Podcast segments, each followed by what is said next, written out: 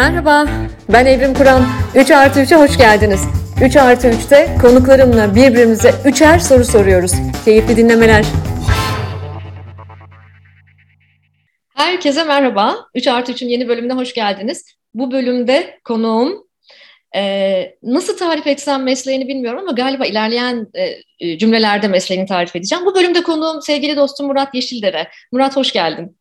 Hoş bulduk. En güzel şeyi tanımı yaptım bence. Sevgili dostum bence yeterli. Murat evet e, bu yayınlara hazırlanırken e, mesleklerini insanları nasıl tarif edebilirim e, diye böyle düşünüyorum, çalışıyorum, notlar alıyorum. Ama o kadar meslek sevmiyorum ki ben. o kadar ünvan sevmiyorum ki böyle içimden geldi seni tanıtmak. Ama tabii ki 3 artı 3 dinleyicileri iyi bölüyor, biliyorlar. Bu bölümde başlangıçta ben Murat'ı tanıtacağım size tanımayanlar için. E, sonra bendeki karşılığını da anlatacağım ve e, soruları birbirimize sormaya başlayacağız. Murat İstanbul'da doğdu. Ee, İstanbul'da e, okudu. İlkokulu Maçka İlkokulu'nda, ortaokul liseyi Nişantaşı Anadolu Lisesi'nde tamamladı. Sonra Boğaziçi Üniversitesi Endüstri e, Mühendisliği bölümünde lisans derecesini aldı. E, lisans eğitiminin hemen ardından Manchester e, Üniversitesi'ne gitti. University of Manchester Institute of Science and Technology gitti ve orada işletme ekonomisi dalında yüksek lisansını tamamladı ve profesyonel kariyerine başladı. Finansal kiralama sektöründe başladı. Ardından Philip Morris, GSD Holding, GSD Yatırım e, gibi e, kuruluşlarda kariyerine devam etti ve bundan ya bu 2000 ne acayip bir yıl sevgili dinleyiciler. Son dönemlerde birçok bölümde bunu dinliyorsunuz, duyuyorsunuz belki ama e, benim de öyle oldu. Mesela 2000'de kariyerimde böyle müthiş bir shift oldu. E, dolu, konuştuğum birçok bir dostum da böyle. Murat'ta da öyle olmuş. Ekim 2000'de yönetim danışmanlığı firması Egon Zender'e katıldı. E, belki şöyle desem daha iyi değil mi? Egon Zender'i Türkiye'ye e, Türkiye pazarına soktu değil mi yani? E, yani şöyle vardı aslında Egon Zender ama önemli bir transformasyon için onlarla birlikte yeni bir yolculuğa çıktık. Egon Zender bir danışmanlık firması. Bu anlamda Murat'la meslektaşız biz e, ama e, biraz daha spesifik bir alanda danışmanlık yapıyor. Egon Zender'in yönetici ortağı. E, sadece Türkiye'de değil, e, bölge coğrafyasında da farklı ülkelerde üst düzey stratejik yönetici atamaları yapan, yetkinlik değerlendirme ve geliştirme projelerinde e, ve yönetim kurulu atamalarında lider rolü üstlenen e, bir görevi oldu ve hala buna devam ediyor Murat. Yani aslında e, kaba tabiriyle yetenek avcısı o. E, headhunter deniyor ya, e, kafatası avcısı, kafa avcısı demek istemiyorum. Yetenek avcısı o. Ve ilginç bir kariyer hikayesi. Her yıl bine yakın mülakat yapıyor e, ve çok enteresan hikayeler dinliyor. Bunları açacağız zaten. Dolayısıyla bine yakın mülakat ne demek? Özellikle de liderlik pozisyonlarında çalıştığı için çok farklı geçmişlere, çok çeşitli, çok farklı profillere sahip liderleri tanıyor.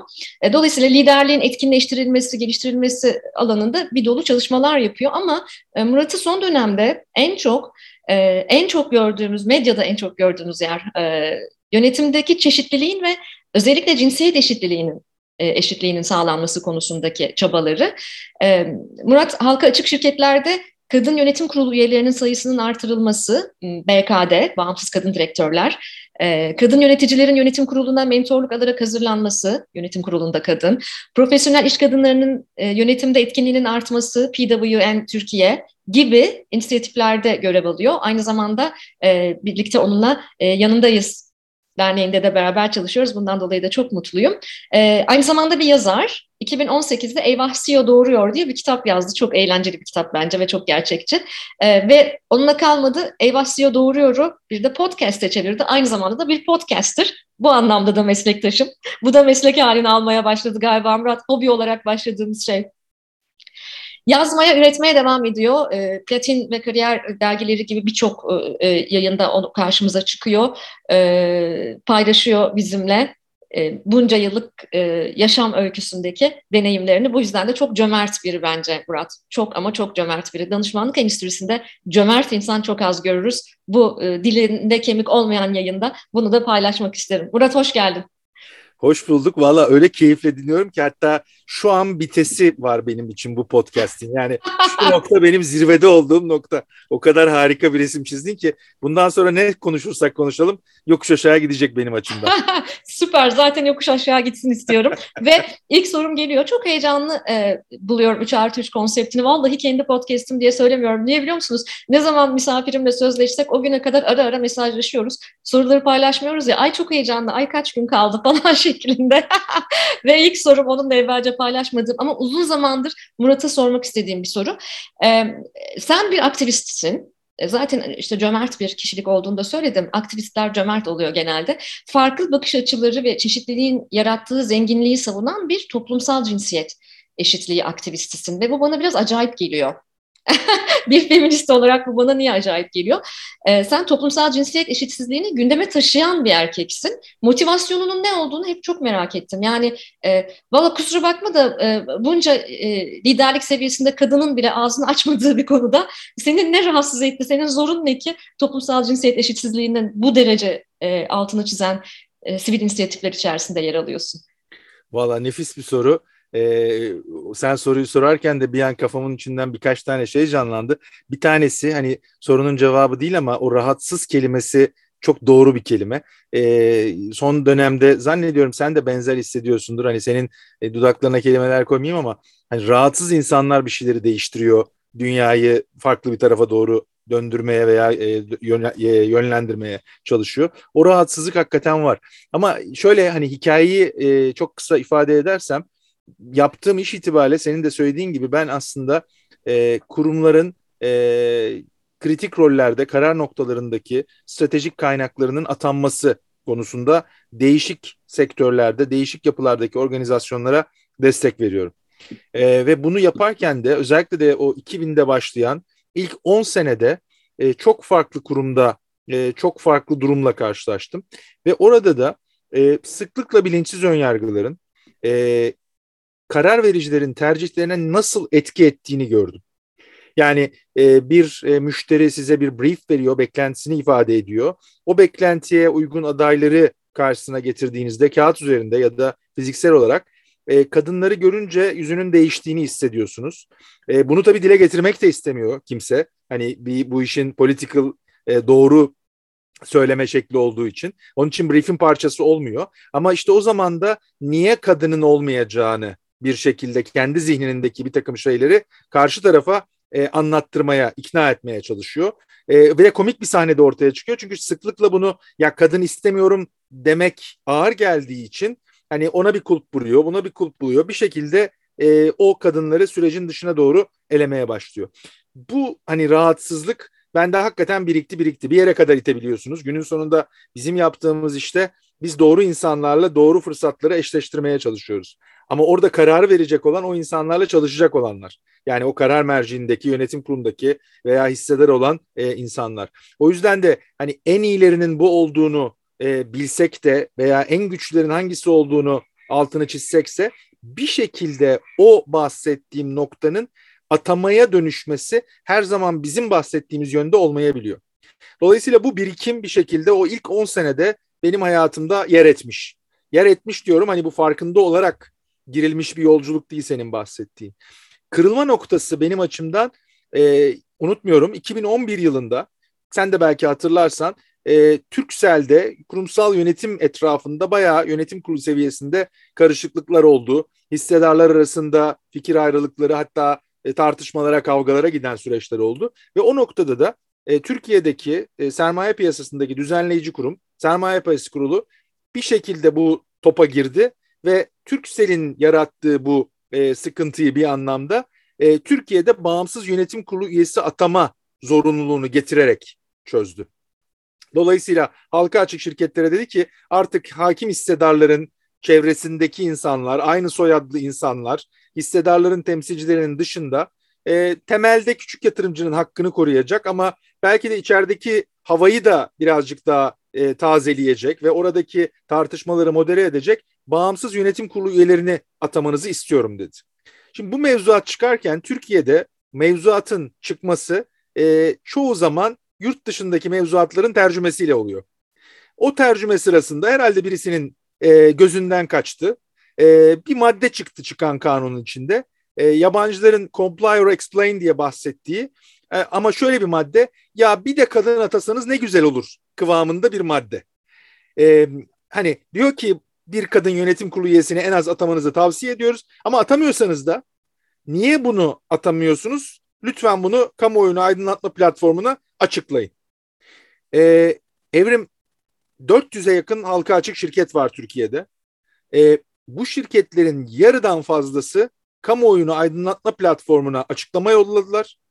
Dediler ki e, biz kadın yönetim kurulu üyesi atamayı çok istiyoruz ama bulamadık. Bulamadığımız için de atayamadık. Şimdi beni mazur görsün herkes ama utanç verici bir açıklama. Yani ben okurken kızardım, bozardım ama kızarmanın, bozarmanın dışında da hani insanın böyle bir şey vardır e yok artık ya noktası. İşte o Sabancı Üniversitesi ile bağımsız kadın direktörler bu şekilde ortaya çıktı ve biz dedik ki ya bulamıyor musunuz? Biz buluruz sizin için. Para pul da istemiyoruz, bila bedel buluruz ve biz bir kadın yönetim kurulu üyelerinin potansiyel olabileceklerin olduğu bir havuz yarattık ve hala aradan geçen e, 11 yıldır halka açık şirketler bizim kapımızı çaldığında biz hiçbir bedel talep etmeden onlara kadın yönetim kurulu üyesi atama konusunda destek vermeye talibiz. Tekrar ediyorum bir kuruş almadan yapıyoruz bunu. Ha kendimizi öyle şey yapmak için değil. Cümlenin sonraki kısmı önemli. Bir kuruş almadan yapıyoruz. Yılda şanslıysak 5 ya da 6 tane kurum bize başvuruyor. Wow. Ve şu anda 400 şirketin içinde 140 tane şirkette hiç kadın yönetim kurulu üyesi yok. Tekrar 140. ediyorum. Yılda 140 şirket, 400'ün içinde 140'ın içinde hiç kadın yönetim kurulu üyesi yok. Bize şanslıysak 5-6 başvuru oluyor. Yarısı kadın olan bunu değiştirmek isteyen, yarısı hiç kadın olmayan. Şimdi e, hakikaten diyorum ya bu acayip bir şey. Biz bu havuzu yarattıktan sonra da e, bu havuzun duyurusunu yapmak üzere bütün bu halka açık şirketlerin yönetim kurulu başkanlarına, hakim hissedarlarına, CEO'larına başvurduk, mektuplar yazdık, ulaştık, bazılarıyla toplantı yaptık ve birkaç tanesi bize dedi ki yönetim kuruluna kadın atayarak yetkinlikten fedakarlık etmemi istiyorsun? Şimdi yani yetkinlikle kadın kelimesinin aynı cümlede olmasından bile rahatsızlık duyan ve anlı şanlı, yurt içi yurt dışı okullarda eğitimli, iş hayatının içinde inanılmaz etkili koltuklarda oturan insanlardan bahsediyoruz. Diyorum ya hani tutku evet ama bir noktadan sonra da hiddetlenmeye başlıyorsun. Ya bu böyle gidemez. Bir şeylerin farklı olması lazım. İşte orada aktivizm ve ben ne yapabilirim, nerede çomak sokabilirim, bu rahatsızlığı enerjiye nasıl dökebilirim, bunu nasıl insanlara yaygınlaştırabilirim kısmı işin içine girmeye başlıyor. Ve benim için de o öyle başladı. Şimdi demin senin söylediğin gibi de bir erkeğin bunları dillendiriyor olması, ben kendi adıma bunu söylemiyorum ama zaman zaman da e, hakikaten normalin dışında bir resim ortaya çıkarıyor. Şimdi podcast'te de zaman zaman panellerde de e, oluyor. Ben kadınlara camdan tavanın nasıl olduğunu, nelerin onları engellediğini ikna etmeye çalışıyor konumda kendimi buluyorum. Bir de böyle bir enteresanlık var. Yani hani diyorsun ya sen kadınlar dahi bunu yapmazken e, biraz önce ben de bir podcast çektim yeni bölümü. E, kimle çektiğimi sürpriz söylemeyeyim ama çektiğim kadın dedi ki ya insan dedi mutsuzluklarını, acılarını gömmek istiyor. Hatırlamak istemiyor. Çünkü ben de ona sordum. Nerede camdan tavana vurdun? O dedi ki gömmek istiyor. Hatırlamak istemiyorum onları. Sonra işte birkaç bir şey anlattı. Veya bir kadınla e, gene e, bir panelde mülakat yaparken dedi ki dedim ki yani camdan tavanlar işte böyle bir şeylerden bahsediyor. Ya evet bahsediyor ama ben hiç karşılaşmadım dedi. Allah Allah dedim peki yani çok güzel. 2-3 cümle geçti ondan sonra dedi ki ya biz tek çocuk yapabildik ikinciye ben cesaret edemedim dedi. E dedim biraz önce camdan tavanla karşılaşmadığınızı söylediniz. Aa evet dedi ve kadın böyle bir boşluğa bakmaya başladı. Şimdi anlatabiliyor muyum? Yani hani bazı şeyleri yaşıyoruz içinde ve onlara anlam katma hani bilinçsiz önyargı diyoruz ya bu da bilinçsiz önyargının parçası aslında. Yani ben buraya kadar geldim o zaman ben bunu yaşamadım herhalde diye düşünüyor bazı kadınlar. Erkekler için ise bambaşka bir durum var. Yani onlar hakikaten e, anlatılması güç bir aymazlığın içinde ve şu anda da giderek ben bunun koltuğu savunma noktasına doğru gittiğini de görüyorum. Ve bu da aslında tehlikeli. Yani doğal akışıyla bir takım şeylerin çözülmesinin artık mümkün olmaması ve aktivizmle zorlamanın gelmesi ve bir takım şeylerin zorlanması ihtiyacı da bence orada e, söz konusu. Ben bunu saatlerce anlatırım. Beni biliyorsun bu benim tutkulu konum. Onun için burada bir e, şey yapayım, nokta koyayım, es vereyim. E, tekrar topu sana atayım. Ben tabii bu konuların çok içinde biri olarak ben bile ağzım açık dinliyorum. Şu anda yani benim görüntümü görseniz ağzım açık dinliyorum. Ee, çok önemli bir okur yazarlık ihtiyacı var diye duyuyorum. Toplumsal cinsiyet okur yazarlığı. Ee, bu yüzden de benim de hayalimdeki Türkiye'de bunları bizim üniversite öncesi temel öğretimde, orta öğretimde e, e, müfredatın içerisine sokmamız ve bunları tartışmamız, öğretmemiz, masalları de- değiştirmemiz bir kere hem cam tavanları hem cam ayakkabıları belki de anlatmamız galiba bütün e, cinsiyet normları e, baskısı hissedenlere. Bunu çok önemsiyorum. O yüzden bir kez daha buradan vurgulamak istiyorum. Şu an 207 üniversite var Türkiye'de. Sadece bir tanesinde, MEF Üniversitesi'nde e, eşitlik e, çeşitlilik, e, hakkaniyet ve kapsayıcılık dersi veriliyor. Ben ve ekip arkadaşlarımın hazırladığımız bir ders. Buradan bir kez daha sesleniyorum. Bütün üniversitelere, bütün bu alanda çalışmak isteyenlere bütün gönlümüzle kapımız açık. Geliniz okullarda bu müfredatları beraber geliştirelim. Ama ikinci yani sana soru so, sözünü vermeden bir şey bir kez daha sormak istiyorum. E, şu anda halka açık kaç şirket var Türkiye'de? Yaklaşık 400. 400 şirkette kaç tane bağımsız yönetim kurulu üyesi koltuğu var? Şöyle söyleyeyim sana toplamda yaklaşık 2800 tane yönetim kurulu üyesi var. Bu 400 şirketin içinde. Toplam 2800 yönetim 2800 koltuk var. Koltuk yani var. Bunların bazılarını aynı insanlar dolduruyor vesaire. Kişi sayısı olarak daha az bir şeyden bahsediyoruz. Bu 2800 koltuğun e, yüzde 83'ü erkekler tarafından dolduruluyor. Sadece yüzde 17'si kadınlar tarafından dolduruluyor. Şu anda bu Sabancı Üniversitesi'nin bir ay önce açıkladığı geçen seneyle ilgili son sayılar. Ee, biraz evvel söylediğim gibi 140 tane şirkette yönetim kurulunda hiç kadın üye yok. Ee, bu 400'ün içindeki 140 şirkette. Ee, senin bahsettiğin biraz evvelki noktaya giderek söylüyorum. Bu 2800 koltuğun kabaca 900 tanesi 900 ile 1000 arasındaki bağımsız yönetim kurulu üyesi koltuğu. E, ve gene bunlar açısından da bakarsan e, bunların içinde de demin bahsettiğim oran belki %17'nin birazcık daha üzerinde ama sadece birazcık daha üzerinde. Şimdi daha çarpıcı bir şey söyleyeyim sana. E, çünkü bence bu hani Circle of Life diye bir şey var ya e, %50 olduğunu kadın erkeğin nüfusta demografide düşünelim e, Türkiye'de o öyle. E, bu yüzde elli eğitim hayatı özellikle ilk öğretimde büyük ölçüde e, baş başa gidiyor. Yani orada çok büyük kopmalar olmuyor. Buna rağmen Türkiye'de yanlış hatırlamıyorsam 3 milyon civarında e, okuma yazma bilmeyen vatandaşımız var. 2 milyonu kadın bunların. Yani dolayısıyla orada da illiterate denilen tanımın içinde de kadınlar üçte ikisi ne oluşturuyor. Ee, ilk öğretim geçtikten sonra orta öğretimle birlikte yavaş yavaş kopmalar başlıyor. Orta öğretim ve lise ile birlikte kopmalar artıyor ama hala değişik sebeplerle o lise seviyesine kadar da hani bu böyle çok çok çarpıcı e, farklılıklar oluşmuyor. Liseyi bitirdikten sonra, üniversiteye geçtikten sonra Türkiye'de enteresan bir şey oluyor, oldu son 20 yıldır. Hani birçok olumsuz şeyden bahsedebiliriz. Biraz sonra söyleyeceğim şey için de beni eleştiriyor olabilirler ama eleştirsinler.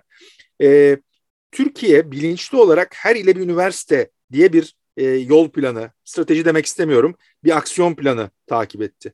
Şimdi o her ile yapılan üniversitelerin kaç tanesinin kalitesi yüksekti, kaç tanesinin içinde gerçek anlamda e, donanımla birlikte yazılım da vardı tartışılabilir ve bunu da kabul ediyorum. Ama bu her ile üniversite e, yaklaşımının beraberinde gelen şöyle bir e, önemli nokta oldu.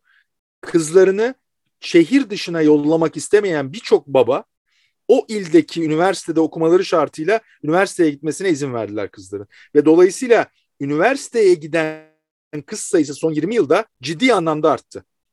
Fakat bu tırnak içinde eğitimli kitlenin mobilitesi olmadığı için zaten farklı bir toplum baskısı da onları etkilediği için bu kitlenin iş hayatına geçişinde çok büyük bir kopma oluyor. Yani o üniversite sonrası tarafa geldiğinde bir anda iş hayatına katılışması katılmada üçte bire düşüyor. 50-50 olan yarış. Hı hı. Şimdi üçte bire düşüyor. Üçte bir resmi rakam. Ama üçte birin içinde hani bunu gene dinleyicilerimiz açısından söylüyorum. Birçoğuna sen zaten hakimsin. Üçte birin içinde hiçbir sosyal güvenlik kapsamında olmayan, aile işinde ve ağırlıklı tarımda çalışan kadınlar da var. Onları dışarıya çıkardığında yani bu istatistiklerden arındırdığında aslında Türkiye'de iş dünyasına profesyonel çalışmaya her seviyede giren kadın 5 kadından bir tanesi. Şimdi 50-50 yarış başladı. 5 kadından bir tanesi iş hayatında devam ediyor profesyonel anlamda. buradan kadınların profesyonel kariyerde yükselmesi, yönetici rol alması, yönetim kuruluna girmesinde en son tura geldik. Yüzde on yedi demiştim hatırlarsan biraz önce. O yüzde on yedinin içinde şirketlerdeki hakim hissedarın ağırlıklı da aile üyelerinin temsilcisi olan soyadından dolayı o yönetim kurulu olanları çıkarırsan yüzde onun da altına düşüyor kadınların yönetim kurulundaki oranı halka açık şirketlerle. Yani 50-50 başlanan bir yarış son düzlüğe geldiğimizde 91-9'a dönüyor. Wow. Şimdi bu bunun normal yollarla kendi haline, doğal akışına bırakılarak düzeltilebilmesi mümkün değil. Onun için de burada zorlamaya ihtiyaç var. Yani bu bilinçsiz ön yargıyı değiştirmeye ihtiyaç var. Ama hani senle ben sık sık eleştiriyoruz. E, bu arada da hani sen nezaket gösterip bana aktivist dedin ama ben senin özellikle de sosyal medya paylaşımlarına hayranım. Hakikaten e, hani o Can Yücel'in dediği gibi denilecek yerde denilecek şeyi söylüyorsun ve e, o hani tamamı erkeklerden oluşan panellerin, tamamı erkeklerden oluşan e, odaların yani diyorum ya 140 şirketin tamamı erkeklerden oluşuyor odalar. Yani sağ ve sola baktığında koyu renk takım elbise giymiş erkekler var ve bu rahatsız etmiyor insanları. Ya ben hakikaten bunu anlamakta zorluk çekiyorum. İnanılmaz. Ee, gene de umut veriyor bana. O kadar çok sivil inisiyatif oluştu ki ve o kadar e, çabalayan e, insanlar var ki Cibran dünyayı deliler ve dahiler değiştirir der. Ben bu delilere güveniyorum.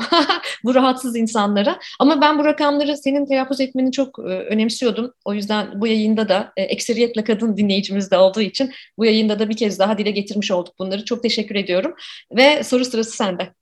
Wow. Valla en zor kısmı bu biliyor musun? Ben e, hangi soruları bana soracağından ziyade ben evrimene sormalıyım noktasında e, çok zorlandım. E, itiraf ediyorum kızıma sordum. Kızımdan kopya almaya çalıştım bir takım şeyleri. O çünkü çok daha farklı şeyde gidiyor. Birkaç tane soru da sağ olsun şey e, soru haznemize getirdik ama e, ben aslında şunu sana sormak istiyorum. E, çok farklı alanlara ilgin olduğunu görüyorum. Ama bu çok farklı alanlarda hani benim demin konuştuğumuz e, toplumsal cinsiyet eşitliği e, aktivizmi gibi birçoğu da senin de rahatsız olduğun ve bir şeyleri değiştirmek üzere çaba gösterdiğin alanlar. Daha az gördüğüm kısım ise kameranın arka tarafındaki evrimin tutkusu nedir hayatta? Ne enerji verir ona ve neyi daha fazla derinleştirmek, daha fazla yapmak ve oradan aldığı enerjiyi tekrar bu dünyayı değiştirmek için delilikler yapmak için kullanıyor. Aha, teşekkür ederim. Gerçekten kameranın arkasında e, veya işte ekranın arkasında bir insan olduğunu e, bazen unutuyoruz değil mi Murat? Yani sanki bütün hayatlarımız sosyal medyada, bütün hayatlarımız konferanslarda, toplantılarda sahnenin üstündeki kişi gibi. E, ama arka taraftaki yani kameranın arkasındaki evrimle kameranın önündeki evrimin rezone olmasına, uyumlu olmasına çok çaba sarf eden, bunun için çok canı acıyan, böyle tırnaklarını yiyen ve kendini kemiren kendi içini kazan biriyim ben yani. Kendi içimi kazıyorum tam anlamıyla. Bu yüzden de kameranın arkasındaki evrim de çok farklı değil. E, hayatımda e, kendime anlamlı bir kariyer inşa etmeye karar verdiğim 2000 yılında yani anlamlı bir şey olsun yaptığım şey dediğimde 2000-2001 yıllarında ortaya bir şey koydum ve onun etrafına halkalar çizeceğim. Önümüzdeki 20 yıl, 30 yıl, 40 yıl, 50 yıl etrafına halkalar çizeceğim dedim. Ve o ortaya koyduğum şey e, yaş ayrımcılığıydı. Yani bu ülke neden gençlerini sevmiyor? Aslında bu ülke yaşlıları da çok sevmiyor. Aslında farklı kuşaklara olan toleransımız çok zayıf diye çıktığım bir yol vardı. Dolayısıyla ben kendimde şunu fark ettim. Bütün aktivistliğimin e, çıktığı e, kökenin de bütün ayrımcılıklara karşı müthiş bir e, alerjim olduğunu, müthiş bir reaktif bir halim olduğunu gördüm. Ve tam orta noktaya bunu koyup bütün hayatımı buna uyumlayacağım dedim. Sonra bana birkaç insan dedi ki ya deli misin sen? Bundan para mı kazanılır? O ne? Bir düşün yani sene 2000, 2001 falan. Bundan para mı kazanılır? Yani senin başka yetkinliklerin var. Git oralarda e, daha hızlı kolay paralar kazanabilirsin.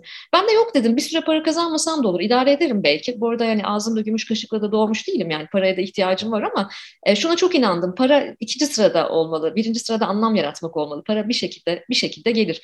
Ve ben onun o e, daireyi genişletirken Abi baktım ben gençlik çalışırken kadınları gördüm. Kadınları çalışırken engellileri gördüm. Engellileri çalışırken farklı toplumsal sınıfları gördüm. E, klasik pazarlama anlayışının sosyoekonomik segmentasyon yaparken e, yan bastığı yerleri gördüm. Ve bütün ayrımcılıklarla e, çalışan bir evrim olsun diye e, kendi hayatımı kurguladım. Ve bütün e, bütün e, sosyal etki işlerimi, ticari işlerimi her şeyi bunun üzerine koydum. Dolayısıyla bunu sürdürebilmek için arka planda kan ter gözyaşı var. O yüzden ben böyle çok süper sosyal hayatı olan biri değilim. Çünkü arka planda çok çalışıyorum. Yani günümü çok verimli bir şekilde değerlendirmeye çalışıyorum. Ama en büyük tutkum ama en büyük tutkum içerik üretmek. En büyük tutkum içerik üretmek ve kendi ürettiğim içeriklerden de takriben e, birkaç hafta içerisinde sıkılıyorum ve yeniden ve yeniden e, yıkmaya ve yeniden yaratmaya çalışıyorum. O yüzden en büyük tutkum içerik üretmek. Bu bunu ekseriyetle yazarak e, yazarak yapmaya çalışıyorum. E, dolayısıyla da çok okuyorum ve çok yazıyorum. Hayattaki en büyük tutkum bu. O yüzden de böyle süper keyifli, anlamlı, eğlenceli bir hayatım her zaman olmayabiliyor. Sanırım benim gibi insanlara pandemi çok iyi geldi. Doğru. Mecburen Doğru. eşitlendik ya hepimiz asosyal olduk ya. Doğru, Şimdi geçenlerde e, bir tane sweatshirt e, beğenmiştim. Instagram'daki e, çok sevdiğim benim böyle sweatshirt hastalığım var böyle üzeri mesajlı sweatshirtlere bayılıyorum. Ee, Instagram'da e, sevgili böyle e, kadın dostlarımdan biri de bana e, armağan etmiş. Birkaç tane göndermiş böyle birkaç farklı renginden. Üzerinde selectively social yazıyor. Ben biraz selectively social bir tipim. Yani seçici sosyalim. Ben de çok sevdiğim bir arkadaşı, iki arkadaşıma bunu hediye ettim. Yani iki ayrı arkadaşıma bir tane de kendime. Ama oğluma vermek istedim bir tanesinde işte üç tane sweatshirt geldi. Oğlum 15 yaşında. Ali dedi ki ne kadar kabasın, ne kadar ayıp bir şey bu. Asla böyle bir şey giyemezsin, benim yanında da giyemezsin. Yani ne demek yani ben hepinizle sosyalleşmek istemiyorum mesajı vermek falan. Ben bunu hayatta giymem dedi ama itiraf ediyorum ben biraz öyleyim. Seçici sosyalim. E, kendi yalnızlığımda ve kendi dar e, e kameranın arkasındaki o dar insanlı, az insanlı, az eşyalı hayatımda çok huzurluyum, çok mutluyum, çok zengin bir içerik geliştirdiğimi düşünüyorum orada. Bilmiyorum cevap verebildim mi? Yo nefis nefis bir cevap. Belki küçük bir takip sorusuyla e, şunu sorayım. E, sadece okumak mı yoksa izlemek, e, evet. dinlemek, e, ne bileyim gözlemlemek hani bu anlamda öğrenme kanalını sadece okumak mı yoksa farklı bir şeyler de var mı gene etrafında? E, bu çok güzel bir takip sorusu. Tabii e, beyefendi e, headhunter olunca sevgili dinleyiciler böyle, sıkı sorular soruyor. E, izlemeyi çok izlemek çok önemli bir parçası hayatımın. E, insanı izlemek. Ben e, çok iyi bir sinema takipçisiyim aynı zamanda. E, belgesel izliyorum hep demek istemiyorum ama yani e, izlemeyi seviyorum. Her gün 5 dakika, 10 dakika, 20 dakika bile olsa yatmadan önce mutlaka bir şey izlemeye gayret ediyorum. E, bir de ben e, e, insan deneyimini izlemeyi seviyorum. Dolayısıyla çok kötü bir alışveriş arkadaşı olabilirim. Alışverişe gitmeyi çok severim ama hiç alışveriş yapamam. Çünkü ben aynı zamanda örneğin bir AVM'de, bir caddede, bir sokakta, bir pazar yerinde tüketici davranışlarını izlemeyi de çok seviyorum. Zaten saha çok çalışıyoruz biz. Ben daha ziyade kalitatif araştırmalar yapan bir araştırmacıyım. Dolayısıyla insanı izlemeyi çok seviyorum. Oturduğum bir yerde insanları izlemeyi, farklı toplumları, farklı ülkeleri. O yüzden pandemi öncesi tabii çok daha yoğun seyahat ediyorduk. Seyahat etmek de beni çok besleyen bir şey. Ama bir havalimanında da hani böyle uçağa kaçıracak aşamaya gelebilirim neredeyse. insanları izleyeceğim ve şimdi ne yapacak, bundan sonraki adımı ne? Yani kafamda benim kafam hep temas noktalarıyla e, hep o touch pointlerle çalışıyor. Yani şimdi buradan buraya bu insan nasıl gider, buradaki motivasyonu nedir gibi. Çok okuyorum, çok izliyorum, çok dinliyorum. Yani iyi bir müzik dinleyicisiyim. Birazcık icra etmeye de çalışıyorum hatta. Ama bütün bunlar günün sonunda içerikte birleşiyor. O yüzden ben kendimi bir küratör olarak görüyorum. Yani benim görevim şirketlere danışmanlık ederken içerik iyileştirmek. Araştırmacılığımda da bu var Murat. Çünkü araştırma yani sadece bir data mı? E ne yapacağız biz bu datayı? Yani ekibime de hep bunu söylerim. Peki ne yapacağız biz bu istatistikleri? Bu ne demek istiyor bize? O yüzden datayı içgörüye, içgörüyü eyleme çevirmeyi de çok önemsediğim için e, izlemenin çok kıymetli olduğunu düşünüyorum. E, rahmetli Stefano Dana'yı analım burada. Bak e, kalbime o düştü şimdi. Self-observation is self-correction demişti. Gözlemlemek düzeltmektir. Öncelikle kişinin kendini gözlemlemesi, kendini düzeltmesidir. Gözlemlersek düzeltiriz. İzlemek o yüzden çok kıymetli. Çok çok önemli bir şey. Biraz önce e, sağ ol o nazik kelimelerle beni anlatırken bu mülakatlardan bahsettin. Bazen şakayla karışık onu söylüyorum. Hani dünyanın en aslında sıkıcı ve en tek düze işini yapıyorum gibi. Bin tane mülakat ve hayatımda tek değişen karşı koltukta veya şu anda ekrandaki yüz değişiyor. Başka değişen bir şey yok hayatımda. Ama senin bıraktığın yerden belki şöyle bir hani bağlantı kurayım.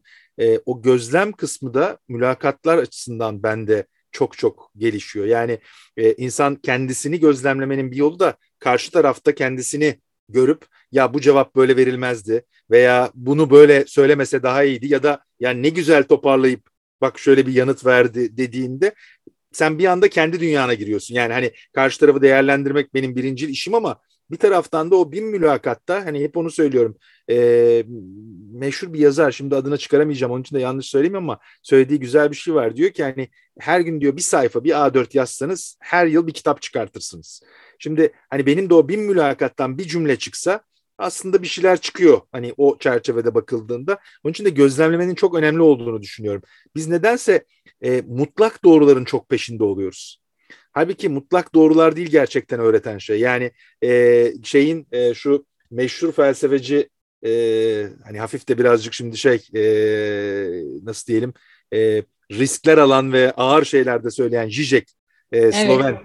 Onun hani sevdiğim şeylerinden cümlelerinden bir tanesi diyor ki e, ben sorularla hiç ilgilenmiyorum. Ben cevaplarla hiç ilgilenmiyorum. Ben sadece soruları sorarım. Şimdi ben mesleğimde o kadar güzel bunu buluyorum ki aslında. Yani çünkü insanları geliştirmek istiyorsan doğru soruları sor, at ve o soruların cevabını bulmak isteyen aslında o yolculuktan hem keyif alıyor hem de kendini zorlayarak enteresan yerlere gidiyor. Aslında bana çok güzel bir pas attın çünkü ikinci sorum buradan gelecek sana. E, hatta bu vesileyle bir de emrivaki yapayım. Zaten baştan aşağı emrivaki usulü giden bir yayın yapıyoruz. E, biz üniversitede derste, MEF'teki DEI derslerimizde tabii ki çok fazla yanlılık çalışıyoruz. Yanlılıkları konuşurken de e, özellikle e, üniversite öğrencilerinin e, çok korktuğu insanlar işe alımcılar. E, çok endişeliler ve biz çok fazla işe alımdaki yanlılıkları konuşuyoruz. E, ve bilinçli bir şekilde bu bilinçsiz örtük ön yargıları nasıl aşabiliriz? E, nasıl önce kendimizi fark edebiliriz ve karşı tarafın fark etmesini sağlayabiliriz? Bunları çok çalışıyoruz. O yüzden bir gün seni de her hafta bir konuğumuz oluyor dersimizde. Bir gün seni de misafir etmeyi çok isterim. Öğrencilerim eminim bayılacaklardır. Yüzlerce soruları oluyor çünkü. bu işe alım işi genel olarak buna yetenek avcılığı diyelim. Çok zor bir iş. Bence çok zor bir iş yapıyorsun. Çünkü insanı kolaylık kolaylıkla hele ki belli bir deneyimden sonra kolaylıkla e, etrafında fil dişi bir kule e, oluşturmaya da sevk edebilecek bir şey. Yani dolayısıyla dönüp dönüp mütemadiyen kendini de e, yeniden ziyaret etmen, kendi algını da sürekli temizlemen gereken falan çok zor bir şey. E, ben herhalde yapamazdım diye düşünüyorum. Çok zor geliyor bana. Yani ben işe alımcılara acayip e, acayip saygı duyuyorum. Çok zor bir böyle e, ameliyata giriyor gibi geliyor bana onlar. Cerrah gibisiniz yani. Ama özellikle yetenek avcılığı, üst düzey e, yöneticilik e, de e, e, yetenek avcılığı bu ne demek? Yani headhunter, yetenek avcısı bu ne demek? Bir de ben işin üstadından bunu bir dinlemek istiyorum. Belki de bunu tanımlarken yetenek nedir de bize tanımlayabilirsin. Çünkü ben de e, masanın şu tarafında e, yetenek yönetimi alanında çalışırken e, çok kavgasını verdiğim bir konu. Yeteneği çok dar bir kapsamda tanımlamak 21. yüzyılda. Bir de senden duymak isterim. Ee, çok teşekkürler. Ee, ilk baştaki kısma geri dönüyorum. Ee, bir meslektaşım var Claudio Fernandez Aroz diye. Arjantinli ortaklarımızdan birisiydi. Sonra emekli oldu. O da bizim firmaya düşünce anlamında çok şey katan birisiydi. Onun sevdiğim bir sözü var. Diyor ki e, mülakat iki yalancının düellosudur. Şimdi e, aslına bakarsan bu süreç böyle bir yerde başlıyor. Yani bir tarafta masanın bir ucunda ya da ringin bir ucunda e, dünyadaki tek insan profesyonel yönetici olduğun, senin dediğin gibi o köşklere doğru yükselmiş ki bizim çalıştığımız daha ziyade de yönetici kapsamındaki rollerde e, egoları parlamış, özgüveni yükselmiş bir insan var. Yani o diyor ki hani ben niye burada çalışayım? Ben dünyanın zaten en çok talep gören insanıyım. Karşı tarafta ise ringin öbür ucunda ise o yarattığı işin dünyadaki tek istihdam olduğunu düşünen, hani herkesin o işe aşık olup hemen onunla çalışması gerektiğini düşünen, o işte e, bir şekilde e, başlayıp da başaramamanın mümkün olamayacağına inanan o ortamda onunla birlikte çalışacağını düşünen bir karar verici var. Şimdi bu ikisi birbirini ikna etmeye ve kendi yoluna birbirini çekmeye çalışıyor. Ve bu duelloda devam ediyor. Hani şey açısından bakarsan. Ama hani işin şey tarafı, e, latife tarafı bir yana önce istersen ben ne yapmaya çalışıyorumdan başlayayım. Oradan da dilim döndüğünce bu bahsettiğin yetenek yönetimi ve yetenek e, kimdir'e e, dönmeye çalışayım. Şimdi bizim yaptığımız şey aslında şu. E, biz e, farklı organizasyonlarda ki o farklı organizasyonların e, altını birazcık çizip hani böyle bir klik etmek istiyorum üzerine. Bu her zaman için bir özel sektör şirketi değil. E, Türkiye'de örnekleri daha az ama biz dünyanın birçok coğrafyasında kamu içinde projeler yapıyoruz. Türkiye'de belediyeler için projeler yaptık. Yakın zamanda yapmaya da devam ediyoruz. Spor kulüpleri için çalışıyoruz. E, orkestralar için, tiyatrolar için, spor kulüpleri için, futbol kulüpleri için çalışıyoruz. E, dolayısıyla hastaneler için çalışıyoruz. Yani aklına gelebilecek hemen hemen her organizasyonda içinde liderlik olan e, her yapıda bizim o bahsettiğimiz yetenekleri bulup o kurumlara kazandırabilme metodolojisine, becerisine sahip olduğumuzu görüyorum. Ve her coğrafyada hani şakayla karışık gerçek aslında e, İsviçre'de orduya dahi hani müsteşar kıvamında insanlar bulduk biz. Yani dolayısıyla e, rahmetli burada analım Colin Powell'ın bir sözü var. O da değerli bir söz. E, Colin Powell biliyorsun e, Amerika'da Genelkurmay Başkanlığı yaptı. Sonra Dışişleri Bakanı da oldu ama Genelkurmay Başkanı iken de, demiş ki e, benim general transfer etme e, lüksüm yok. Ben erken bu insanları geliştirmem lazım. Şimdi aslında o kadar doğru bir söz ki hani bütün bütün organizasyonlardaki tepe liderlerin bir şekilde kendine düstur edinip e, gözükür bir yere asmaları gereken bir söz. Hani o gelişime en alt seviyeden başlamaları ve o gelişimle birlikte yaşamaları gerekiyor. Çünkü en üst düzeyde general hani diyoruz özel sektörde evet bazen oluyor ama içeriden gelenin de çok değeri var. Hani ben kendi yaptığım işe rağmen bunun özellikle altını çizmek istiyorum. Biz bu anlamda bu organizasyonlardaki ihtiyacı anlayıp bu ihtiyaca uygun olabilecek yetkinlikleri gösteren yani başka bir de işte kasları, kapabiliteyi gösteren e, liderleri bulundukları ortamlardan tespit edip getirip bu eşleşmeyi yapmaya çalışıyoruz. E, bu eşleşmenin içinde de sadece yetkinlikler ve kapabilite yok. Hani bir de e, o bitkinin yetişeceği bir ortamı, işte e, nemini, e, güneşini, suyunu, e, o kültürü de yaratmak lazım. E, Bedrettin Dalan diyordu ya yaptıklarım yapacaklarımın teminatıdır. E, aslında sen gene çok iyi biliyorsun. POP diye bir metodoloji var. Performance Oriented Prediction. Geçmişteki performansa bakarak gelecekte insanların neler yapabileceğini anlayabilmek mümkün. Dolayısıyla da biz geçmişteki performansa bakıyoruz. Ama bunu yaparken de biz neleri değil de daha çok nasılları anlamaya ve detaylandırmaya çalışıyoruz. Çünkü neler çoğu zaman yanıltıcı oluyor iyi yıllar oluyor, iyi şirketler oluyor, iyi sektörler oluyor. Ya da tam tersi kötü yıllar oluyor, kötü şirketler oluyor, kötü sektörler oluyor. Şimdi oradaki nelere odaklanırsan, oradaki insanları o nelerle sadece eşleştirip değerlendirirsen çok büyük yanılgılara düşebiliyorsun. Onun için de o ortamda dahi nasıl bununla yaşayıp mücadele ettiğini kişinin anlayabilmek bizim açımızdan önemli, değerli olan kısım. Bizim yaptığımız işte de hani yetenek yönetimi tarafına gelirsen de oradaki kritik kısımda biz bunu genellikle bir pencere açarak anlık bir e, başarıya veya anlık bir olaya bakarak değil. Hani ben 22 yıldır bu işi yapıyorum senin söylediğin gibi. Hani bu 22 yılın içinde e, ilk baştan beri takip ettiğim, gördüğüm ama bugüne kadar belki yolumuzun hiç kesişmediği insanlar var. E, dolayısıyla da ama bir taraftan hani senle olan konuşmamızda sen o insanla ilgili gıyabında bir şeyler söylüyorsun bana. iyi ya da kötü. Ama fark etmeden söylüyorsun. Yani sen anlatırken kendini ya da başka bir hikayenin içinde bana bir şeyler veriyorsun. E, buradan da şuraya gelmek istiyorum. Hani yetenek yönetimini o deminki bahsettiğim mülakat düellosuyla sadece sınırlamak anlamlı değil.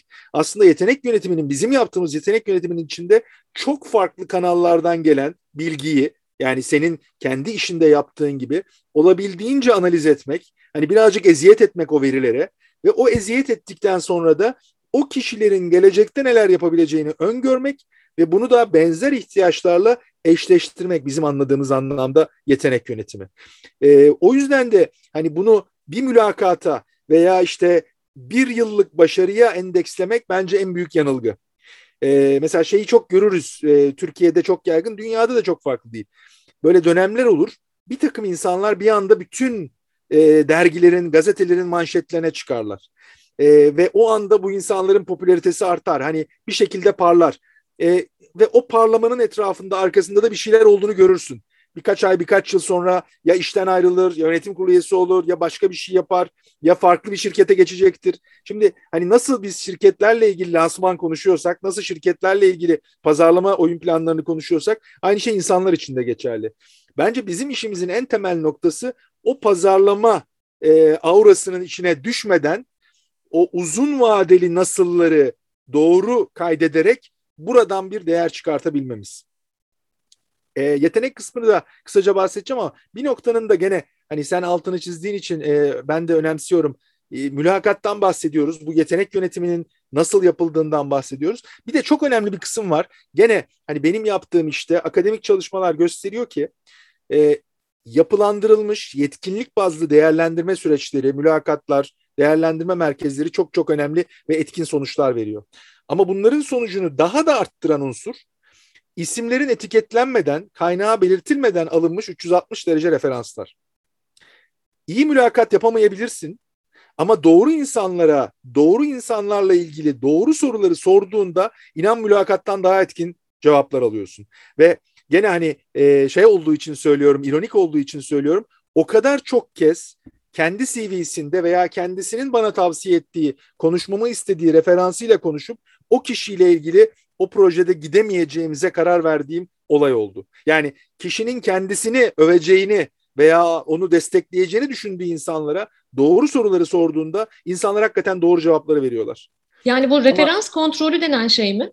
Aynen öyle ama bunu 360 derece ve yetkinlik bazlı yapmaktan bahsediyorum. Ne demek yani, 360 derece referans kontrolü? 360 derecenin anlamı evrimi referanslarını yaparken evrimin bağlı çalıştığı, evrime bağlı çalışan ve evrimin iş alıp verdiği yanındaki insanların hepsiyle konuşmak. Sadece patronunu ya da insan kaynaklarını arayıp evrimi nasıl bilirsiniz diye sormak değil. Bir kere birincisi bu. O 360 dereceyi halkayı tamamlamak. Çünkü çok organizasyonda patron aşık oradaki insana pozitif anlamda tırnak içinde söylüyorum. Ama yandakini yumruklayarak sonuç alıyor, alttakinin sırtına basarak sonuç alıyor. O konuşmaları, o görüşmeleri yapmazsan tek bir açıdan baktığında resim çok farklı. Dolayısıyla o 360 dereceyi yapabilmek çok çok önemli. İkincisi etiketlenmemek bunu. Bu da güven kısmına geliyor. Yani telefonu kaldırdığında evrimi soracağın kişinin ya Murat bunu yarın ya evrim seninle ilgili Ayşe ne dedi biliyor musun diye anlattığını ya da anlatacağını düşünürse çok daha farklı, çok daha ketum davranıyor paylaşacağı bilgilerde. Ama o işte 22 yılın verdiği güven o zaman diyor ki bak benim evrimle ilgili resmim şudur. Şunlar güçlü tarafları ama buralara dikkat etmek lazım. Ve insanlarla ilgili de işte buradan da yeteneğe geliyorum. Bizim o mutlak doğruyu arama çabamızın içinde mutlak liderliği de arıyoruz biz. Yani bizim için iyi liderler var, kötü liderler var. Halbuki iyi liderlik dediğimiz şeyin de altında geniş bir çerçeve var. Onun altında da alt başlıklar var. Yani yetkinlikler aslında işte orada devreye giriyor. Yani sen çok sonuç odaklı, çok stratejik bir lider olabilirsin ve bunlara ihtiyacı olan bir şirkette çok başarılı olabilirsin. Ama insanları kucaklamak gereken, ekiple birlikte çalışmayı gerektirecek, insanların gelişmesi için özel çaba göstermen gereken bir ortama alışık olmayabilirsin veya en doğru partner olmayabilirsin. Dolayısıyla da iyi lider kötü liderden çıkıp nerelere iyi, nereleri iyi yapıyor, nereleri geliştirmiş ve nerelerde desteğe ihtiyacı varı anlayabilmek önemli. İşte yetenek kısmı da oraya giriyor. Ee, şöyle ifade edeyim, çok basite indirgeyerek dinleyenler için de bunu bir derse çevirmek istemiyorum ama CEO yetkinliği dediğim üç tane çok basit şey var. Sonuç odaklılık, stratejik düşünme ve değişim liderliği. Sonuç odaklılık çünkü bugünün beklentilerini yerine getirmesi önemli. Stratejik düşünme yarını garanti altına alması önemli. Değişim liderliği en iyinin yapılmamış olduğuna inanıp sürekli kurcalayarak, bozarak, aktivist olarak değiştirmeye, dönüştürmeye zihnini programlamış olması önemli. Yani mevcutla yetinmeyerek hep daha iyisinin yapılacağını. Şimdi bu üç tanesi eğer varsa insanlarda belli bir kalibrenin üzerinde diğer bütün yetkinlikleri de kullanması gerektiğine inanıyorum ben. Yani sonuç odaklı olmak önemli ama sen bugünkü dünyada işbirliği yapmadan sonuçları yaratabilmen mümkün değil. Dolayısıyla da o işbirliği kaslarını karşı tarafı etkileme, karşı tarafı yanına almayı becerebiliyor olman lazım. Geleceği garanti altına almak istiyorsan beşeri kaynaklarını, içerideki insanları geliştirmeye, onlara yatırım yapmayı göstermeyi bilmen lazım.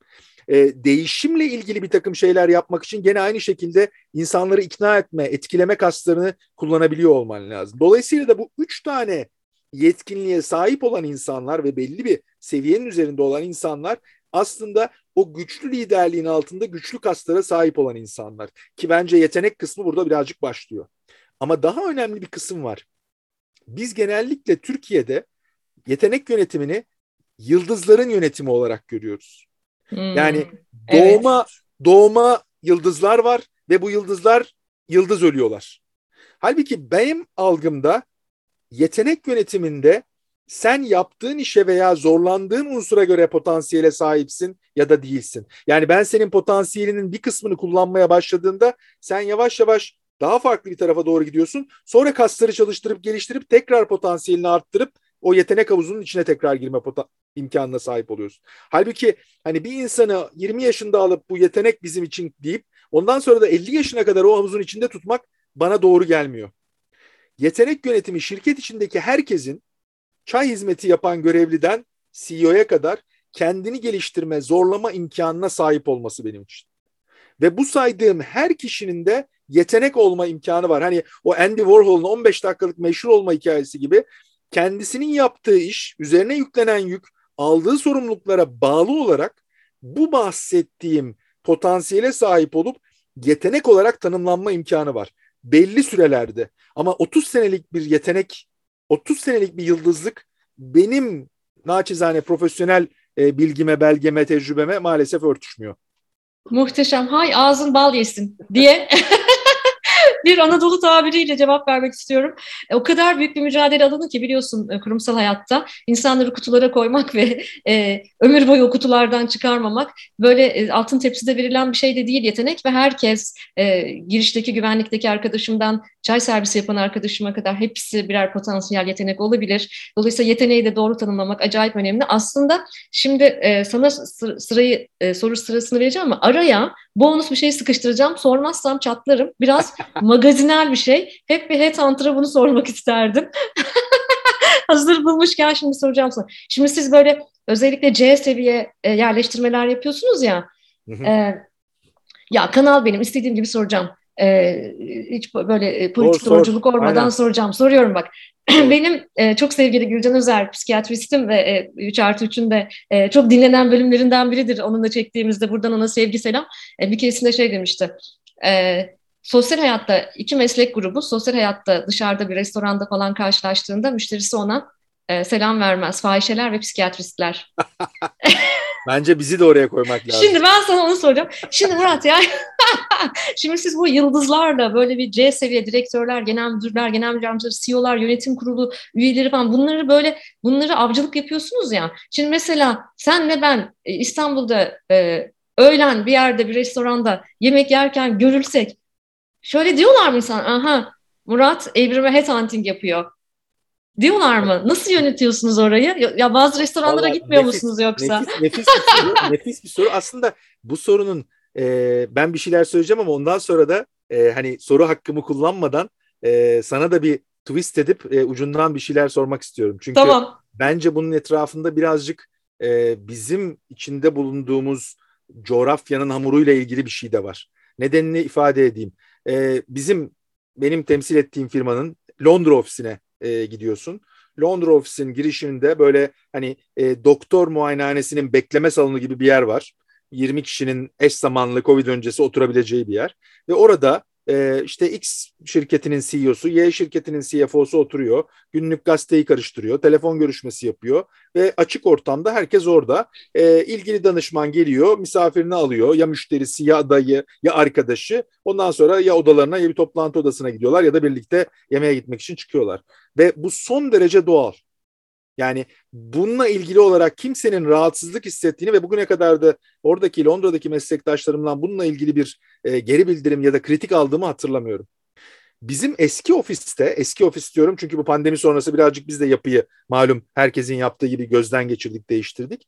E, biz normalin üzerinde bir alana ofisimizi oturttuk ve e, buradan hani sevgiyle e, şeyle e, takdirle analım. Haldun Dormen'in vaudeville tiyatro oyunları vardır ya sürekli evet. kapılar açılır kapanır birileri girer birileri çıkar birbirine hep hiçbir zaman aynı sahnede olmaz o insanlar. Ofisteki ortam öyle bir ortamdı. Yani bir kapı açılıyor bir aday giriyor, o kapı kapanıyor bir adaya giriyor. Birisini bir yerde saklamaya çalışıyorsun ama onu onu görmesin. Asansörde çıkarken karşılaşırlar mı?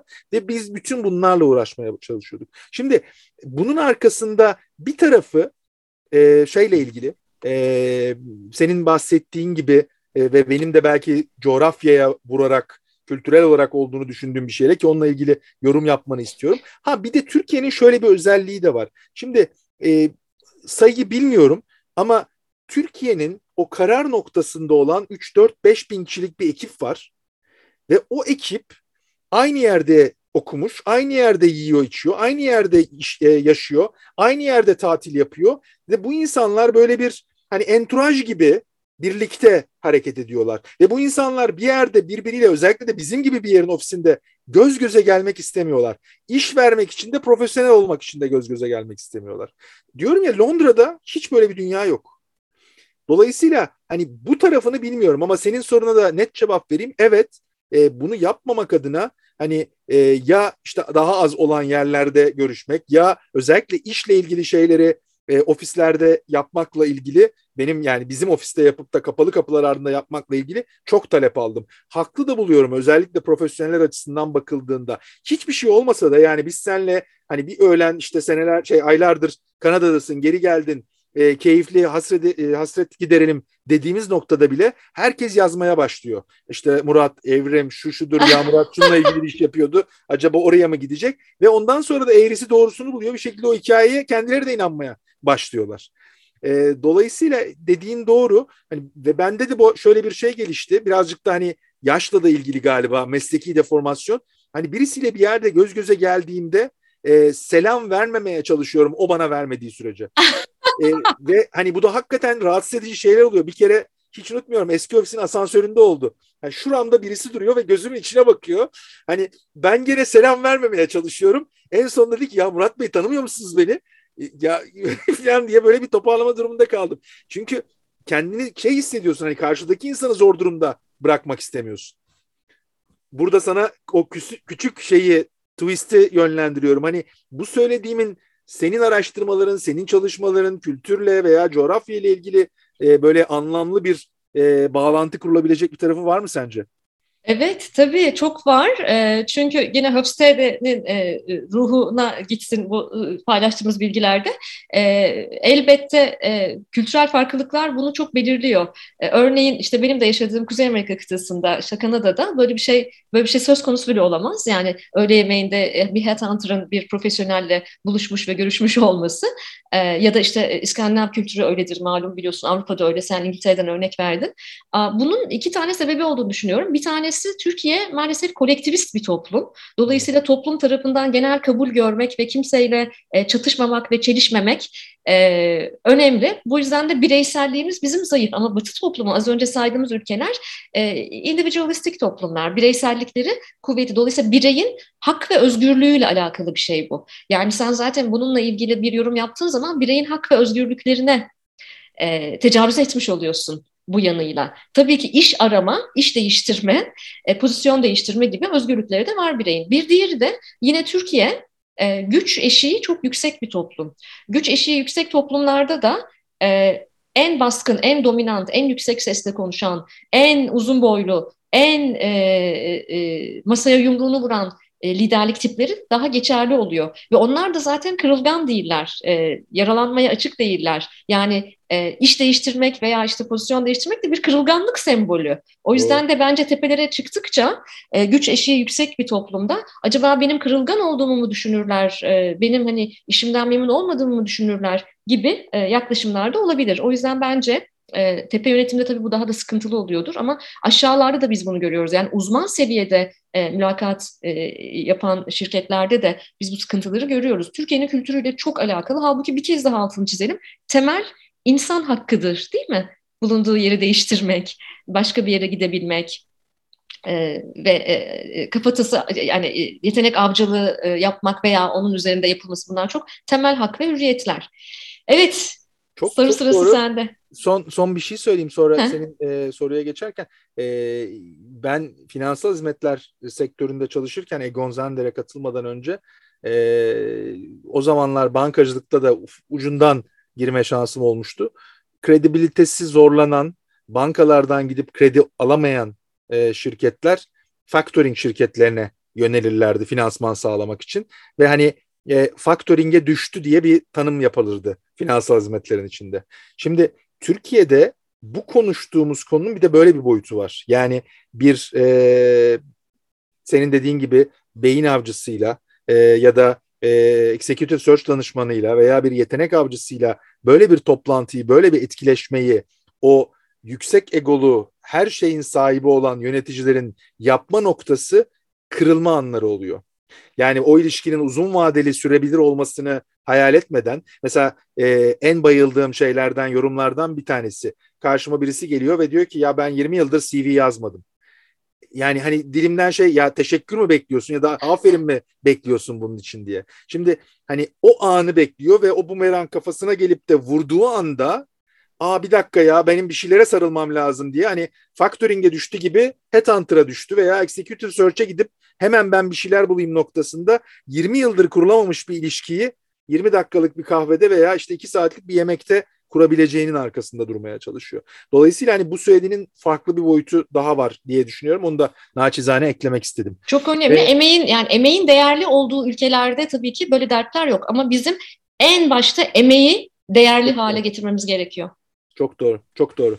Ben ikinci sorumu, ikinci hakkımı birazcık daha böyle e, hafifçe özel hayata girerek demin de ufaktan girmeye çalıştım ama e, şey yapmaya çalışacağım. O da şu. E, yıllar önce mülakat yaptığım yöneticilerden bir tanesi bana dedi ki Murat Bey e, ben yönetici olmayı anne olduğumda öğrendim dedi. E, sen ne öğrendin anne olduğunda? Ay ne güzel soru. Bunları da şimdi sevgili dinleyiciler bir headhunter soruyor bu soruları. Not alın bu soruları yani. Demek ki bu soruları soruyorlar mülakatlarda. E, ben ne öğrendim? E, biz bir kere e, hamileyken kamunun malı olduğunu öğrendim Türkiye'de. Çok güzel. Öncelikle hamileyken kamu, artık bir kamu malı olduğumu öğrendim. Çünkü insanlar hiç izin almadan karnıma dokunabiliyorlardı. Türkiye'de idim hamileyken. Bir de ben böyle neredeyse doğurana kadar çalıştım. Çok da iri bir hamileydim. Çok iri bir karnım vardı. 6 aylıkken evine git doğurmak üzeresin falan diyordu insanlar bana. Ee, ve e, çocuğumun cinsiyetini tahmin etmeye çalışanlar, e, ki sorsalar söyleyebilirim. Adının ne olacağı, niye adının o olacağı gibi yani hiç tanımadığım insanların bile e, benim ebeveynliğim, anneliğim e, ve doğurma sürecim hakkında söz sahibi olduğunu gördüm.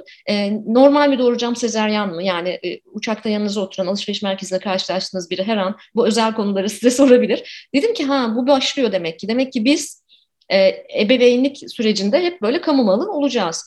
Bir de bir sürü kitaplar okumaya başladım Murat. E, o zamanlar sevgili Şengül'cüm bunu dinliyorsundur bu yayını. E, evde bana yardımcı olan bir e, Şengül vardı. Şengül'cüm gündüzleri gelir bana yardımcı olurdu. E, böyle başucumda da kitaplar var. Şengül'ün de çocukları var kendisinin. Kitaplar var ama böyle annelikle ilgili ne kadar abuk subuk kitap varsa almışım yani. Ve o kadar kafamı karıştırıyorum ki bunları okumak. Bir gün Şengül geldi dedi ki Evrim Hanımcığım dedi ben sizden bir şey rica edeceğim. Şu saçma kitapları okumayın dedi. Hiçbir işinize yaramayacak bunlar. Annelik içgüdüsel bir şeydir bu kitapları iyice kafanızı karıştırıyor. Bırakın bunları dedi. Aydım. Ne aydım kadar yani. büyük wisdom ama ya. Yani gerçekten. bakar mısın? Ya gerçekten aydım yani. O kadar e, önem verdim ki kaldırdım kitapları. Saçma sapan şu egzersizi yap, bunu yap bilmem ne falan. E, ve anneliğin içgüdüselliğine yani içgüdüselliğine ve e, çok e, biricik bir evlat olduğunu ve biricik bir deneyim olduğunu gördüm. Sonra da e, Ali 15 yaşında, işte 15-16 yıldır hayat yolculuğunda beraberiz. E, şunu öğrendim ki bu deneysel bir yolculuk. E, süper anne değilim, mükemmel bir anne olmak zorunda değilim. Ve geçenlerde Ali'ye bir mektup yazdım. E, her doğum gününde ona bir mektup yazıyorum. Sosyal medyada da yayınlıyorum hatta. E, mektubunda da şunu yazdım 15. yaş mektubunda. Bir anne çocuğunun her yaşının acemisidir e, her yaştaki acemiliğin tadını çıkarmaya çalışmayı öğreniyorum. Acayip acemiyim. Şu an ergenlikten geçiyor. Bugünlerde daha çok aşk konuşuyoruz, duyguları konuşuyoruz. Süper acemiyim bir gençlik araştırmacısı olarak. Ama acemiliğin de tadını çıkarmaya çalışıyorum. Dolayısıyla annelikte e, bir e, e, hedefleri olan böyle işte performans indikatörleri olan bir başlık değil, deneysel bir nokta. Dolayısıyla ben mükemmel anne, süper anne, süper kadın olmak zorunda falan değilim. E, bu deneyselliğin tadını çıkarmaya çalışıyorum. Anneliğimde bunu öğrendim ve anneliğim kesinlikle liderliğimi yumuşattı.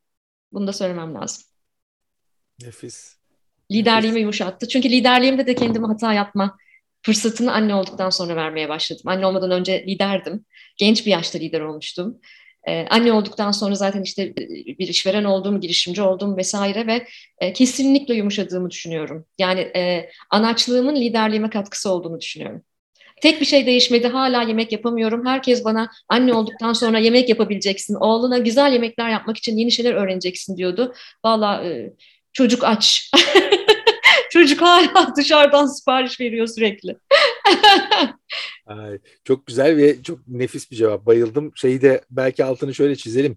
Ee, hani o yumuşama aslında e, sen çok pozitif bir şeyle highlight ederek kullanıyorsun. Hani yumuşaklık maalesef bizim şeyimizde liderin yumuşak olması aslında evet. çok anladın mı? Çok olumsuz bir anlamı var. E, demin ona benzer bir şey daha söyledin. Hani ben de bazen onu söylüyorum. E, kırılganlıklarımız aslında gücümüz bizim. Hani o yumuşama da senin gücünü aslında arttırıyor. Onun için de çok değerli. Bayıldım cevabına. Sağ olasın. Şimdi benim son sorum geliyor. Ve son sorum şu. En zor, en zor soruyu en evet, sona en sona bıraktım. Murat sen e, Murat Yeşildere ile mülakat yapsan bir CEO pozisyonu için onu onu işe alır mıydın? ee, niye veya niye değil? Nerelerine e, ne feedbackler verirdin? Nasıl bir geri bildirim verirdin? Ee, süper süper bir soru. Ee, şöyle biraz evvel bıraktığım yerden devam edeyim. Ee, neyin CEO'su veya neyin yöneticisi olduğu çok önemli bence. Hmm. Ee, yani mutlak doğrular yok diyorum ya. Mutlak hmm. doğrular yok. Yani Murat Yeşildere iyi bir lider olabilir ama neyi yapmak için iyi bir lider olabilir? Ya da ne için aslında Murat Yeşillere kötü bir eşleşme yaratır ve başaramaz. Ee, orada da şimdi birazcık e, orantısız ve haksız bir güç kullanacağım. Ben masanın bu tarafından baktığım için kendime e, ben meraklı bir adamım ve hatta kendime de şey diyorum e, biraz maymun iştahlı bir adamım ben. Yani dolayısıyla hani böyle odaklanarak çok yoğun dibine kadar gidip her şeyin detayını bilmek değil. Ben birçok şeyin e, benim için önemli olan kadarını bilmekten keyif alan bir insanım ve o bana o bana enerji katıyor. Dolayısıyla da hani böyle çok odak isteyen, derinleşmek gereken ve özellikle de tek bir alanda e, bir yoğun çalışmayı gerektiren bir şeyin başına ben kendimi getirmem. E, hatta e, bunu farklı bir şekilde de arada söylüyorum. Ben de e, senin olduğun gibi küçük de olsa hem Sabancı hem Özyeğin Üniversitelerinde birer e, yüksek lisans dersi veriyorum. E, 92 yılından 2000 yılına kadar yani 92'de üniversiteden İngiltere'den gelip iş hayatına başlayıp 2000'de Egon Zender'e katıldığım o 8 sene içinde ben 5 5 5 iş değiştirdim. Diyorum ki çocuklara ya da çocuk diyorum koskoca onlar da 30'lu 40'lı yaşlarda insanlar ama e, benim CV'm, o günkü CV'm bugün önüme gelse ben onu işe almam. Hani 8 yılda 5 iş değiştirdim. Ha bana sorsan şu anda da her değişikliğin bana ne kattığını, niye yaptığımı veya ne kadar haklı olduğumu sana saatlerce anlatabilirim. E, ya da bugün geldiğimiz dünyada aslında işte bugün işe başlayan birisinin e, emekli olana kadar 26 değişik iş yapacağı öngörülüyor. Aynı şirkette de olabilir ama 26 değişik rol, 26 değişik sorumluluk seti. Yani bu hızlı değişiklik aslında oyunun kuralı haline geliyor. Ama senin soruna tekrar geri deniyorum. Dolayısıyla hani o tip bir şey beni çok heyecanlandırmaz. Ben büyük ekipleri yönetmek, büyük bütçeler yönetmekten haz alan bir insan da değilim. Ben etki yaratmanın peşinde olan bir insanım. Yani ben e, kaldıraçla etki yaratmanın daha doğru olduğunu düşünen bir insanım.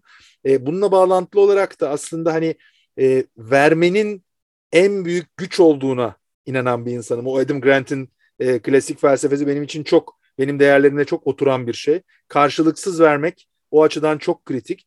Karşılıksız vermenin de önemli unsurlarından bir tanesi hani senin o e, Jack Welch tarzı efsane CEO'lar, odayı dolduran CEO'ların e, olduğu bir ya da gereksinim duyulduğu bir ortam benim en etkin, en başarılı, en doğru seçim olacağım bir ortam değil. Meraklılık arz eden, yeni, entelektüel, değişen, yeni içinde yatırımlara, alanlara girişin olduğu bir şeylerde. Ama tekrar ediyorum böyle orduların yönetildiği işler değil bunlar. Ee, ben kendimi seçerdim. farklı bir renk getirsin diye. E, olasılıkların olduğu yerleri seven birisini arıyorsam, öğrenmeye açık birisini arıyorsam kendimi seçerdim. Bir taraftan da ben çok e, hesap sormayı iyi bilen bir insan da değilim. Hani kendimce aktivizm yaparak bir takım şeyler yapıyorum ama e, bunu kamuoyuna bağırmak farklı.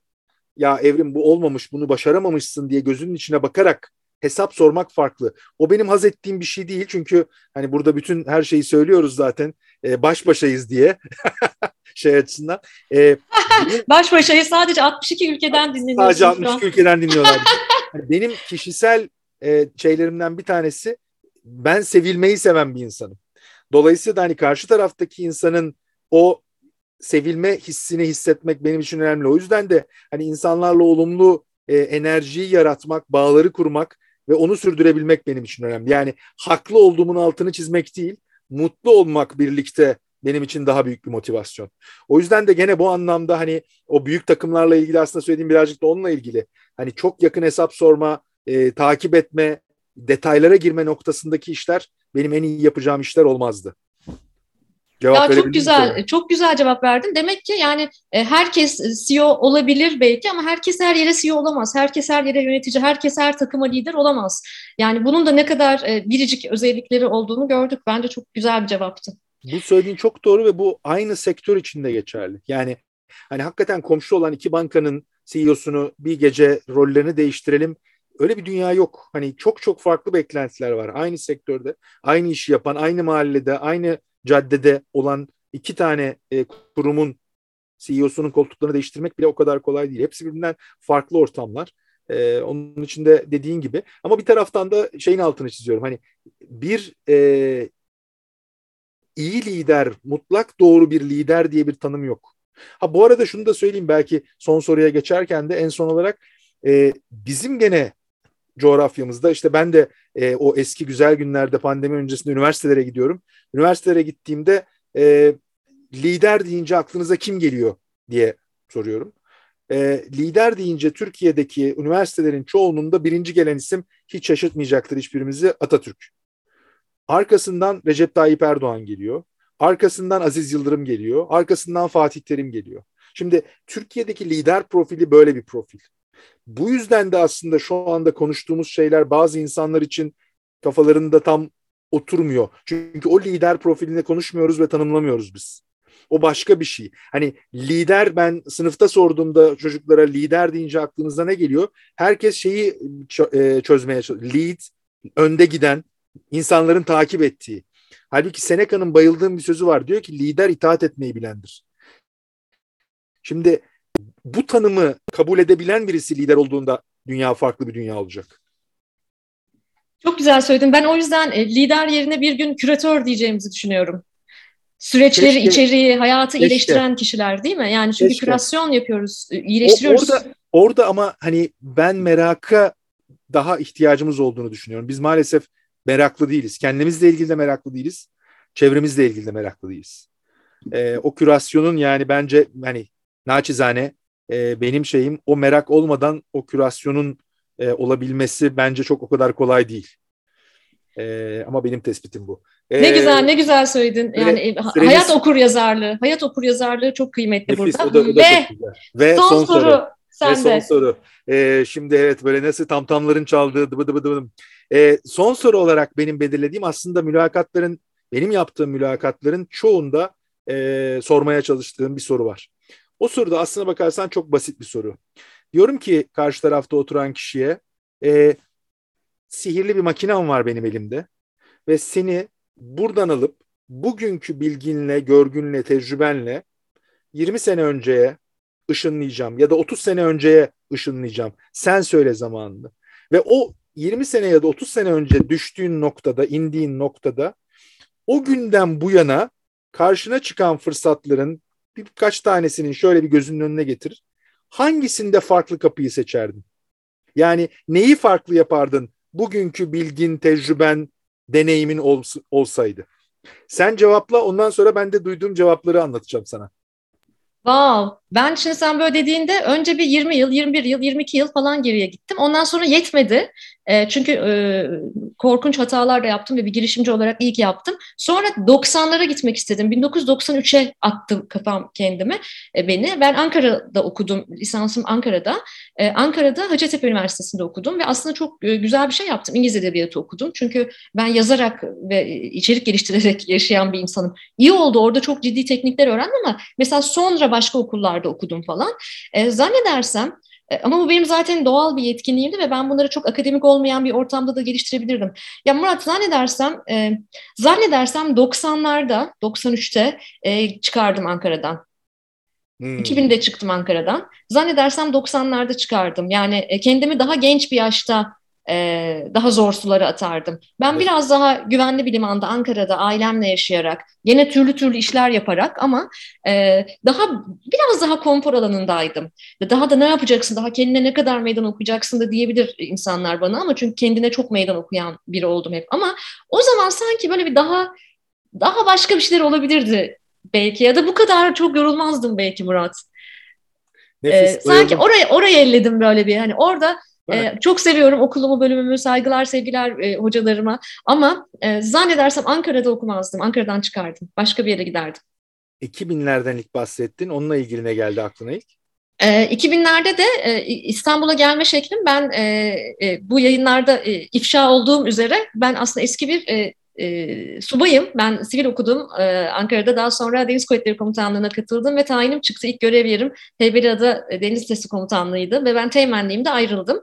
E, hayatımın çok zor bir dönemiydi. Çok zor bir dönemiydi. Yapmak istediğim şeyler çok başkaydı. Ama şimdi bana de ki geri götürdüm seni ilk e, nasip edildiğinde, ilk e, e, birliğine teslim olduğunda, üniformayı ilk giydiğinde, temel askerlik eğitimini ilk aldığında çok sıkıntı yaşadım. Ama bir kadın olarak çok sıkıntı yaşadım özellikle bir genç kadın olarak. Ama Yine oraya dönerim, yine aynı sıkıntıları yaşardım. Hiç pişman değilim. Çünkü orada da beni öldürmeyen şeyin beni ne kadar güçlendirdiğini gördüm. Oraları hiç ellemiyorum o yüzden.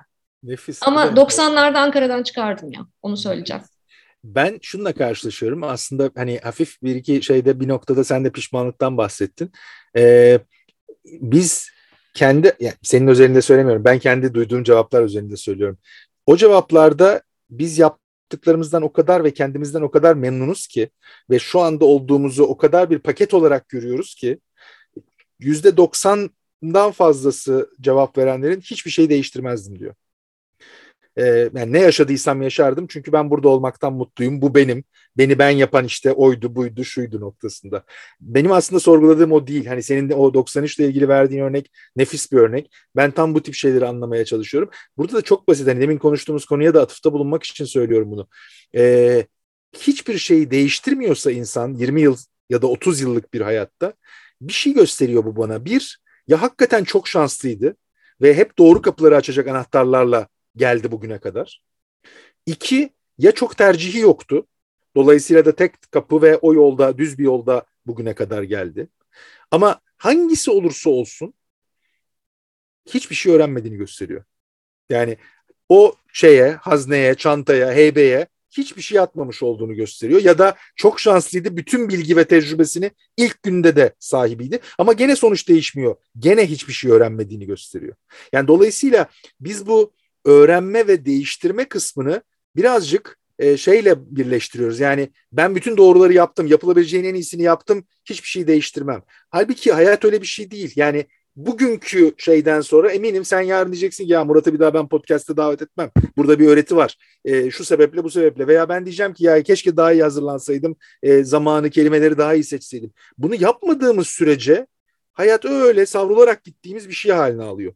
Yani keyifli bir yolculuk olmaktan çıkıyor zaman doldurduğumuz bir şey haline alıyor.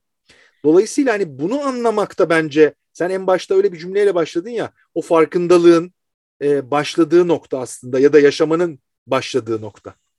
Ne güzel söyledin. E, pişmanlık da e, hayata dair e, bir sürü pişmanlıklarımız olabilir. E, öğrenmedir bu zaten. Başarısızlık yoktur, geri bildirim vardır. Bunlar hayatın aslında bize verdiği geri bildirimler. Yani şu açıdan Ki o da o da yok evet. Ha, yani demin söylediğin senin örneğine de giderek hani bir e, sen o tercihi yaparken örneğin e, Ankara'da kalma tercihini yaparken İstanbul'un neye benzediğini bilmiyorsun. Ya da nasıl seni zorlayıp da farklı bir gelişim sağlayacağını bilmiyorsun. Ben sana diyorum ki bugünkü donanımını sana verip de tabii. O güne yapar. Ha o zaman farklı oluyor. Onun için de pişman olacak bir şey yok. Yani zaten bilmediğini bilmiyorsun. Ama ne acayip bir şey değil mi? O yüzden Sliding Doors filmini çok severim. Yani Tesadüfün böylesi diye mi çevrilmişti hatırlamıyorum. Ama çok sık izlediğim filmlerden biridir. Bir metro istasyonunda bir trenin e, kapısının e, bir saniye önce açılması ve kapanması bütün hayatımızı değiştirebiliyor. Benim için de öyleydi. Yani hayatımda e, ne İstanbul vardı ne de Türkiye dışına gidebileceğimi tahayyül edebilirdim. Ama bu deneyimler iyi ki geldi. Bir takım pişmanlıklarım oldu, canım acıdı falan ama yine tekrar aynı şeyi söyleyeceğim. Bu hayata deneyimlemeye geldik ve bizi öldürmeyen şeyin aslında bizi ne kadar da anlamlandırdığını, sadece güçlendirdiğini değil ama hayatı ne kadar anlamlandırdığını da gördük. Upuzun bir söyleşi, hiçbir tarafını kesmeden aynen böyle yayında olacak. Ee, çok keyifli aldım. Keşke saatlerce daha e, konuşabilsek, bu yayınların devamını da böyle getirebilsek. İyi ki geldin Muratçım. Bütün cömertliğin için e, sadece iş dünyasına değil, Türkiye'nin toplumsal dünyasına yarattığın etki, e, bu aktivistliğin için, deliliğin için, rahatsızlığın için sana çok teşekkür ederim ve sana da kendime de haklı olacağımız değil, mutlu olacağımız bir hayat diliyorum ve bizi dinleyenlere de. Evrim harikasın. Her zaman ilham alıyorum seninle her küçük ya da büyük sohbetimizden. Davet ettiğin için de ayrıca çok teşekkür ediyorum.